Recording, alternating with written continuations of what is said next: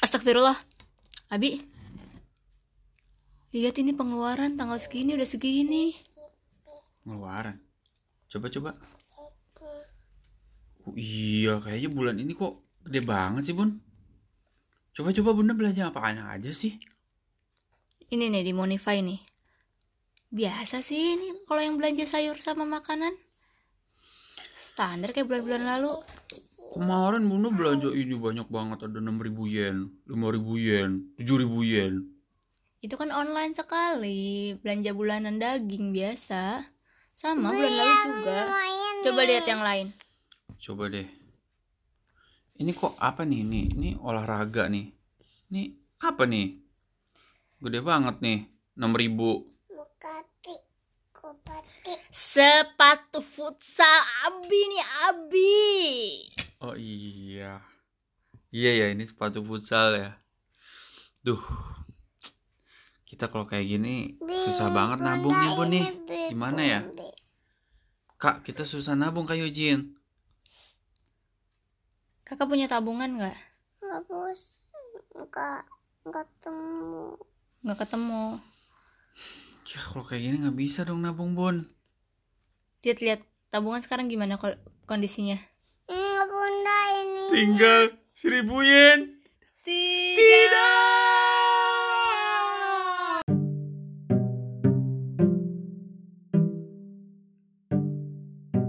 Halo, kembali lagi dengan keluarga Sotoy bersama Bunda Abi Yujin. dan Yumna.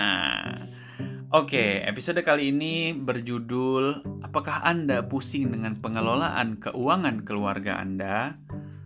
Tenang, Anda tidak sendiri. Kita juga sama. Wow wow wow wow. wow. Begitu judulnya ya. Jadi kalau Anda melihat di sini ada judul pengelolaan keluarga eh, keuangan keluarga terus Anda berpikir bahwa di sini ada solusi, jangan terlalu berharap banyak ya. Jadi justru kita juga pengen curhat, siapa tahu teman-teman ada solusi. Di kita curhat apa nih Bi? Oke. Dari awal nikah ya? ya pengelolaan keluarga eh, Keuangan. pengelolaan keuangan itu tuh salah satu hal yang topik yang sangat-sangat eh, krusial ya apalagi dalam keluarga gitu kan Eh, karena kita punya pertanggungjawaban eh, kepada anak masa depan orang tua kita kita sendiri dan segala macamnya bunda ceritain dulu deh pahit getirnya pengelolaan keluarga kita dari awal nikah bahkan sebelum nikah deh coba bun Iya ya, kita sebenarnya udah udah merencanakan pengelolaan keuangan dari sebelum nikah ya, dari taaruf ya. Gimana nih kita mau mengelola keuangan? Jadi kita sebenarnya udah punya planning, planning gitu perencanaan. Eh, di saat sudah menikah juga eh, punya planning buat tabungan sekian, buat pengeluaran sekian, buat jalan-jalan sekian, buat sampai misalnya persiapan hamil melahirkan sekian, buat pendidikan gimana nih, buat rumah gimana. Itu kita merencanakan tapi realitanya tabungan kepake lagi, kepake lagi. Terus benar. apa ya?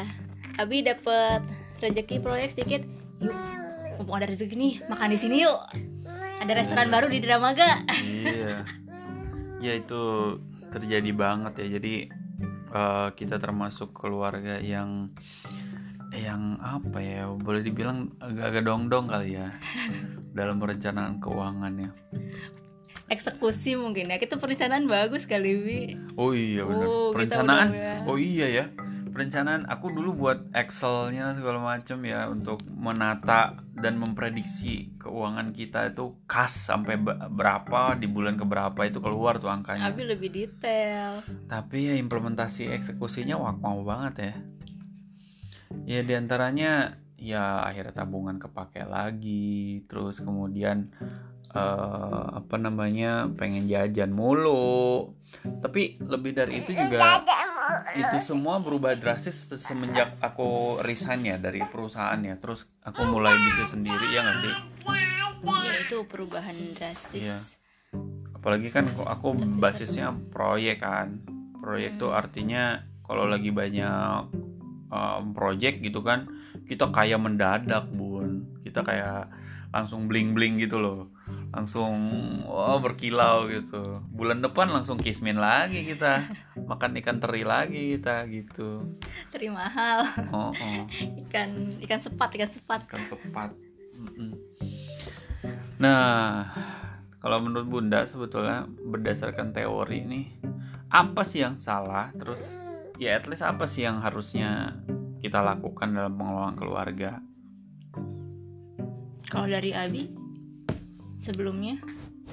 Ya sebetulnya sejauh ini sih kita dari awal termasuk cukup sering juga sih apa ya kayak ikut-ikut kajian. Eh sering gak sih?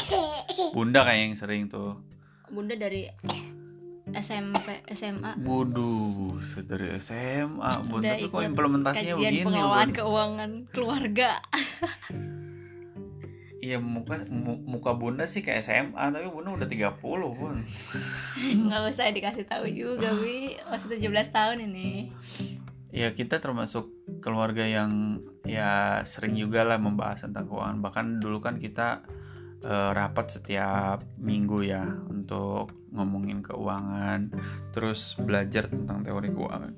Kayak aku tahu kayak misalkan kalau di financial advisor eh, di Indonesia eh, kebanyakan ya kamu harus menabung rutin. Pertama. Hmm, itu kita udah lakukan belum? Ya udah juga sih. Udah. Tapi pengeluaran juga rutin.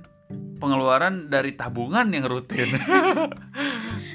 Enggak, kita nabung rutin. Tapi ketika tabungan itu udah besar kayak selalu ada aja yang kasus kita akhirnya mengeluarkan itu tabungan yang kita Hmm. ya mau nggak mau akhirnya keluar dari tabungan. Hmm, ya udah gagal lagi kita nggak bisa. Hmm, padahal misalnya kita planningnya sampai 10-20 tahun ke depan. Itu jadi tidak terlaksana. Hmm. apalagi ya? Terus kayak ada lagi ada tabungan ada dana darurat ada investasi. Dana darurat dana darurat itu ya apa namanya? Ya buat darurat aja disimpan kayak gitu tuh. Terus tabungan itu sebagai justifikasi kapan kita harus mulai mencari uh, apa investasi ke yang lain. Jadi biasanya kalau tabungan kita udah tiga kali eh, tiga bulan gaji katakanlah habis itu kita uh, baru bisa tuh investasi kayak gitu memikirkan yang lain. Investasi kita udah belum? Udah. rugi. Rugi boncos. Ya sekali lagi boncos kita investasi ke salah satu fintech namanya Pip.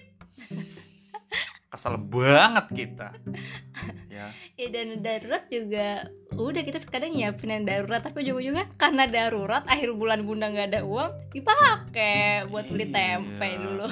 jadi tempe itu standar kita adalah darurat kan kawan sedih nggak sih sedih kan ya terus teori apa lagi yang kita yang ya at least aku pelajarin ya. Terus ada lagi kayak semacam ya terlepas dari itu mengelola keuangan yang ada juga me- mencari penghasilan lain. Gitu loh. Jadi nggak bisa mengandalkan gaji. Apalagi waktu itu per perteng eh, 2018 aku udah nggak di perusahaan lagi kan. Jadi aku udah serabutan lah aku ngangkut-ngangkut sampah aku Itu kan ojek, tukang kuli bangunan. beli bangunan gitu. tapi Bi, tapi Bi, kalau dari teori yang pernah aku dapatkan Bi, Hmm. yang namanya rezeki itu bukan apa yang kita tabung bi justru apa yang kita keluarkan yang kita belanjakan itu rezeki kita yang kita sedekahkan itu rezeki kita jadi ya kita kalau belanja dan jajan ya itu rezeki yang kita dapat bi justru Buset. Ini nih untuk sebagai kalangan nih bunda bisa di demo nih kalau ada yang denger ya begitu tuh. eh tapi Iya, bener pas kan misalnya kita nabung nabung rutin Hmm. kita eh ya sebenarnya itu bagian dari ikhtiar ya kita nabung eh, untuk Hmm. tabungan pendidikan anak ya memang kita mempersiapkan itu adalah eh, untuk 5-10 tahun ke depan ketika akhirnya anak-anak kita pakai untuk pendidikan mereka ya itu berarti emang rezeki anak-anak kita. Sama kalau misalnya kita nabung nabung untuk eh, tabungan kita menggunung nggak kepake. Kalau kita keburu mati kan ya bukan rezeki kita. Itu akhirnya jadi rezeki warisan Udah rezeki kak orang-orang itu nggak usah nabung aja udah. Pakai aja kita foya-foya. Yuk abis ini makan di restoran Nepal dah. sekali makan sejuta sejuta iya kenyang kenyang seneng seneng kita. Minggu depan puyeng berdebat berantem kita bun. Iya buat beli beras kagak ada. Boro-boro daging. Kita makanin tatami nih. Itu apa sih? Eh, Abi tuh aliran Jabariyah versus Qadariyah bunda. Iya, kalau kayak itu bunda kayak ini. Kodariah kali ya kodariah yang wah itu semua udah diatur sama Allah Subhanahu Wa Taala gitu. Tapi kita Abi- nggak usah berusaha. Abi Jabariyah iya. Kita semua harus menghitung-hitung. Iya. termasuk menghitung-hitung pahala. Siapa di sini yang mau kapal pesiar? Ya gitulah pokoknya. Apa dede? Ini mau pisang? Nih bi kapal api.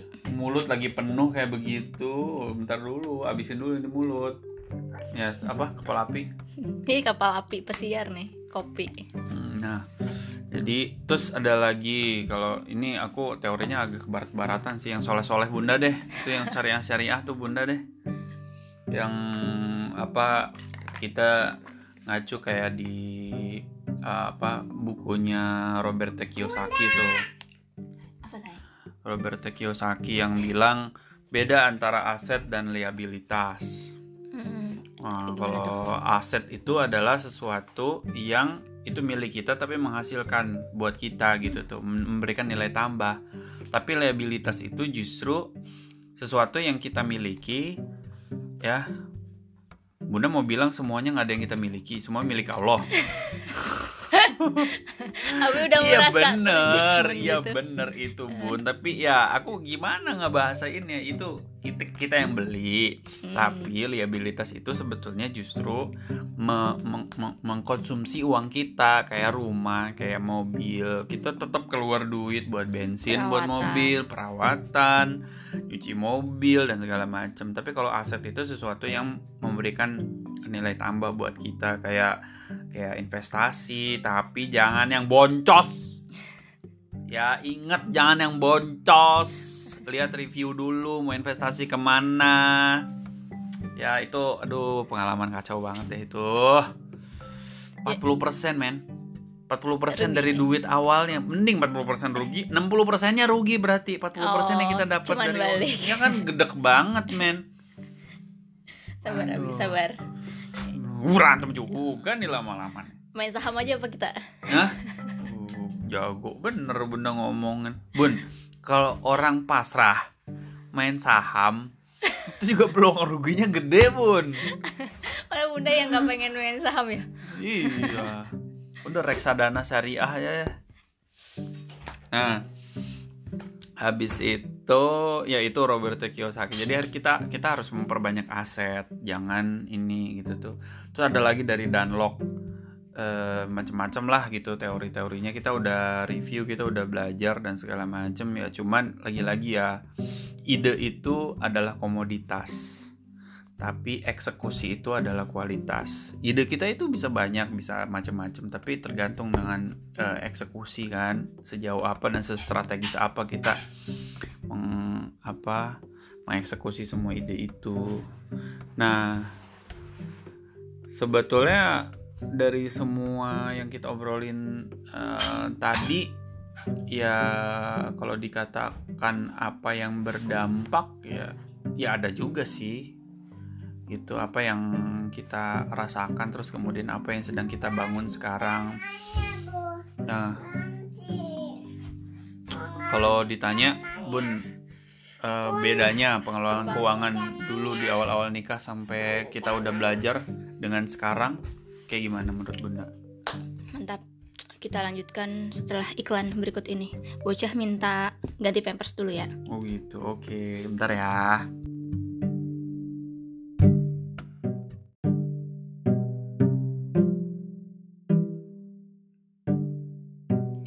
Sip lanjut lagi. Nggak ke bawah kan baunya ke sini? Eh, sebentar. Sebelum itu cerita sedikit dulu. Tadi ada yang ketinggalan. Jadi sebenarnya eh, bunda itu dulu kan ngambil minor eh, manajemen ya termasuk belajar manajemen keuangan. Jadi ada disampaikan tentang teorinya Warren Buffett yang untuk jangan menaruh telur di satu keranjang. Jadi ya simpelnya kita jangan menaruh uang di satu dompet investasi jangan di di satu tempat gitu ya. Eh, harus di banyak tempat.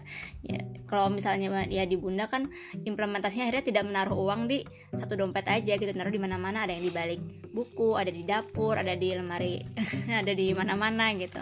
Tapi ya masalahnya karena bunda yang naruh itu gitu jadi bunda juga tahu tempat-tempatnya. Jadi tetap aja jadi inget gitu oh masih ada uang di sini oh masih ada uang di sini. Eh sama aja begitu mah ya itu kan sebenarnya aplikasi dari teori manajemen keuangan juga. Nah cuman apakah kita kita udah improve belum ya dari dulu? Ya itu pertanyaan Awal-awal aku tuh. apakah kita udah improve atau belum? Nah menurut bunda kayak gimana? Sekarang? Udah sih.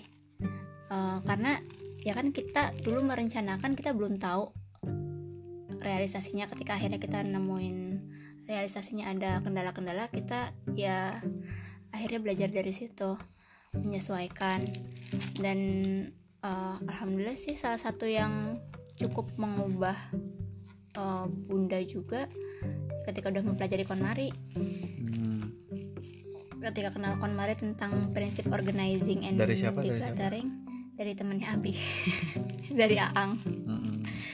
Dari Aang. Tapi Aang eh, namanya sekarang jadi Gemar Rapi ya? KonMari kan dari Jepang mengadaptasi eh, ini dari Jepang. Ya kita fokus pada apa yang kita punya dan eh, apa yang kita butuhkan. Itu ya sebenarnya mindset eh, mindset terhadap barang yang berpengaruh juga mindset terhadap eh, konsumtivisme ya. Terhadap keinginan konsumsi. Itu berpengaruh sih kalau dari Abi? Iya jadi semenjak kita itu juga sebetulnya yang kritikal buat kita itu bukan bukan ada di investasi mana yang tepat walaupun itu juga kita masih wakmau banget sih. Eh, apa namanya bukan pada bagaimana eh, apa namanya memanage membuat apa sih slot-slot bagaimana cara menyimpan uang dan segala macam bukan itu ternyata. Tapi yang lebih kritikal itu adalah uh, bagaimana kita menghabiskan uang itu gitu tuh. Nah, setelah kata Bunda tadi belajar KonMari itu, jadi kayak kita tahu di KonMari kan kita yang hal yang pertama kita lakukan itu adalah uh, apa decluttering ya. Ini sama persis dengan prinsip hidup minimalis. Nah, FYI nih kita sekarang udah berhijrah kayaknya untuk menjadi minimalis nah. Ya mungkin jadi muslim minimalis ya. Gitu biar ada soleh-solehnya dikit. Nah, jadi pertama kita decluttering, kita habisin semuanya. Yang tadinya ada saat dua pintu baju kita gitu kan sekarang cuman satu kotak doang. Baju abi satu kotak doang baju bunda. Laci jadinya model laci ngelaci gitu kan. Terus kemudian eh, apa namanya ya barang-barang itu ternyata banyak banget yang nggak kita pakai gitu tuh.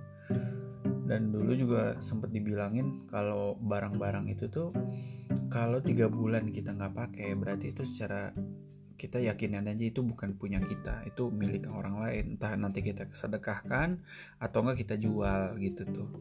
Itu ngebantu banget sih ngebantu banget dan terutama saat kita melaku- mau membeli suatu barang gitu tuh. Jadi kita membeli suatu barang itu tuh pilihannya ya kita benar-benar dipikirkan dulu gitu tuh. Bahkan kalau Abi sendiri tuh membeli barang itu tuh kita kita Abi misalkan pengen beli barang satu barang itu tuh Abi tahan dulu satu bulan atau enggak at least dua minggu gitu tuh. Nah dua minggu kemudian itu mau beli barangnya tapi di dalam dua minggu itu ternyata karena selalu dipikirkan pas dipikir-pikir kayaknya nggak terlalu butuh juga nih. Kayak nggak terlalu butuh juga nih. Ya udah akhirnya malah jadi nggak beli gitu tuh. Itu ngebantu banget. Itu proses apa konsep minimalis ya. Artinya kita benar-benar berpikir apa yang uh, apa yang akan kita lakukan dengan barang yang kita beli. Kalau nggak terlalu berguna segala macam masih bisa melakukan banyak hal dengan apa yang sudah kita punya ya udah nggak usah salah satu kalau nafsu untuk jajan nafsu untuk jajan juga somehow ya apa namanya berkurang drastis juga sih kalau kalau menurut Abi kecuali memang ya makan di luar tuh kayak kayak apa ya se- bukan sebagai pelarian gitu tapi emang kita kita planning sih emang planning maksimal gitu satu tuh. bulan. Dua atau tiga kali gitu ya. Mm-mm, maksimal banget lah. Mm-mm. kalau dulu kan kita kayak wih duit ada nih. Hingga duit di dari proyek nih. Itu ada restoran baru tuh gitu. Wah gitu. Kita hajar kan. Kalau dulu mah begitu gitu. Terus kayak kita melakukan pengeluaran karena melihat khususnya Abi ya melihat orang lain gitu karena orang lain punya A punya B segala macem. Aku aja merenung sampai enam bulan kali untuk memutuskan untuk pindah HP pindah HP yang sudah aku gunakan mungkin sekitar 4 tahun. 4 tahun dari aku di Skovindo dulu. Bukannya udah ganti berapa kali ya? Dari yang hilang? Dari yang hilang tiga tahun ya tiga tahun lah. Hmm. tiga tahun hilang eh itu juga. Terus eh hilang ya? Hilang Hmm. terus hilang ya? Hilang.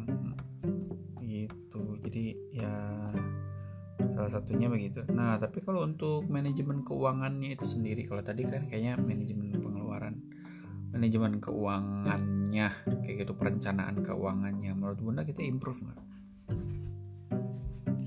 Improve? Karena aku dari eh, kecil atau ya kuliah SMA kuliah kali ya. Setiap pengeluaran aku emang udah terbiasa nyatet Eh, nyatet sekedar nyatet doang gitu keluar keluar iya, gitu. nyatet, nah. Mm, eh, tapi ya ini eh, apa seiring berjalannya waktu eh, ya akhirnya pencatatan itu bukan cuma sekedar mencatat pengeluaran tapi kan ada perencanaan juga ada pembagian-pembagian juga ya pakai Magnify Eh, dan ya kemarin-kemarin juga sebenarnya terinspirasi dari yang metode Jepang juga itu yang kakek ibu. Hmm, itu gimana tuh kakek ibu tuh eh, jadi prinsipnya tuh kita cash semua. Jadi eh, apa kita me- menyiapkan uang dalam bentuk eh, cash merencanakan jadi empat kuadran.